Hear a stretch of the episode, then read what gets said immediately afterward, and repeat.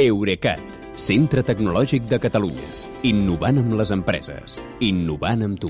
Albert Cuesta, bona nit. Bona nit, Kilian.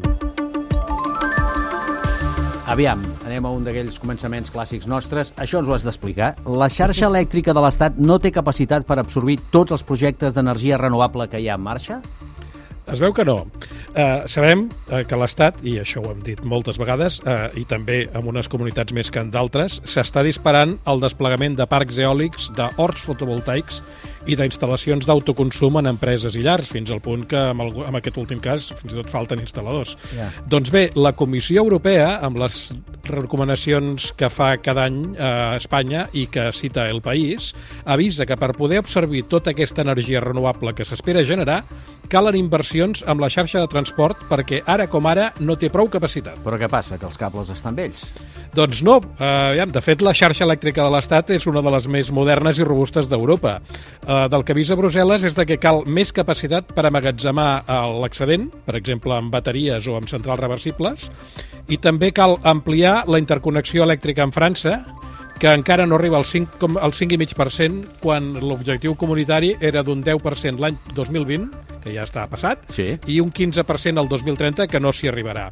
Uh, la comissió recorda que no n'hi ha prou amb impulsar la generació d'electricitat, sinó que també cal adequar la xarxa als nous consums, que per exemple poden ser la, la càrrega de cotxes elèctrics o la climatització amb bomba de calor. I en aquest sentit, Brussel·les diu que l'any 2021, que és l'únic- l'últim dels que es tenen dades completes, el petroli i el gas van sumar la meitat del consum total d'energia primària, mentre que menys del 20% va ser procedent d'energia renovable. Per tant, i per això critiquen especialment les subvencions als combustibles fòssils per l'automoció, que aquell mateix 2021 van ser de 3.000 milions d'euros que es podrien haver dedicat a altres coses, Per exemple, ampliar la capacitat de la xarxa elèctrica. per exemple. Tot i això, l'estat espanyol deu ser el que més capacitat té de generar energia. Això, diguem-ne que no, no té molt mèrit, però vaja, eh, té aquesta capacitat. Energia solar.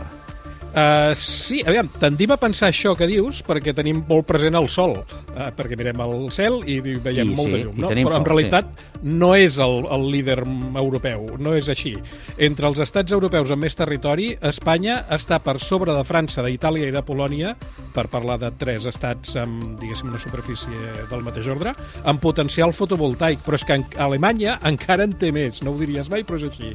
Segons Solar Power, Solar Power Europe, que és la patronal fotovoltaica europea, Espanya va acabar l'any passat amb 26 gigawatts d'energia solar instal·lada i, de fet, l'actual Plan Nacional Integrado d'Energia i Clima, que és com es diu el document del govern, preveu que l'any 2030 siguin 39 aquests gigawatts, que és un objectiu que més es preveu ampliar.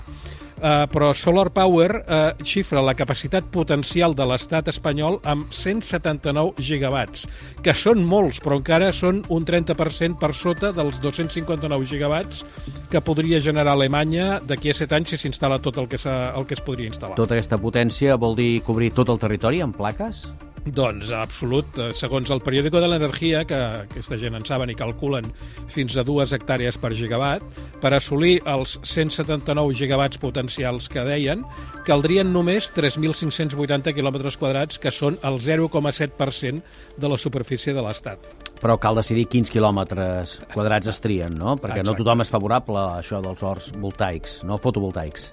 No, i aquest, de fet, és un dels eh, grans obstacles que la patronal euro solar europea veu a l'Estat. Els altres dos són les traves administratives per desplegar grans plantes de generació, que això, per cert, eh, a escala catalana és un aspecte que expliquen molt bé en Ramon Tremosa i en Jaume Morrón en un llibre que es diu Energia sobirana, que Sí. us recomano llegir. I l'altre obstacle és la diversitat de reglaments municipals per a les instal·lacions solars d'autoconsum amb llars i empreses, que això els que n'han fet, els que n'han fet una ja ho sabem. Bé, doncs escolta'm, seguirem molt atents a aquesta qüestió a la, mesura, Endollats. a la mesura del possible endollats, certament. Que vagi bé. Molt bona nit. Bona nit, Kilian. Fins demà.